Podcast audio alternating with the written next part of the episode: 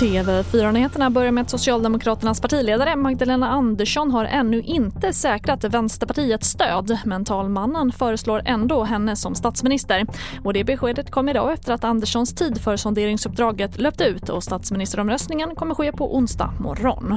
Eh, Magdalena Andersson bad inte om mer tid och eh, då får hon inte mer tid och jag tycker dessutom att det finns ett stort värde i att hålla ett tempo i processen och att driva den framåt och det tycker jag att vi gör nu på ett tydligt sätt och markerar att det här kan inte bli en utdragen process som den vi såg 2018.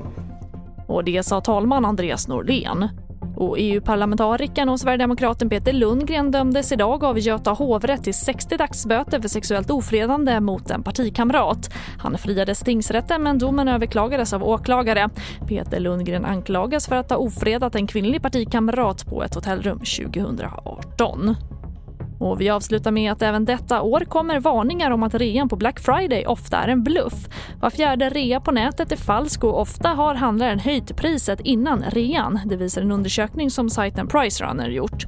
Att höja priserna med 10% efter sommaren för att sen sänka med 5% och kalla det för rea är en vanlig strategi.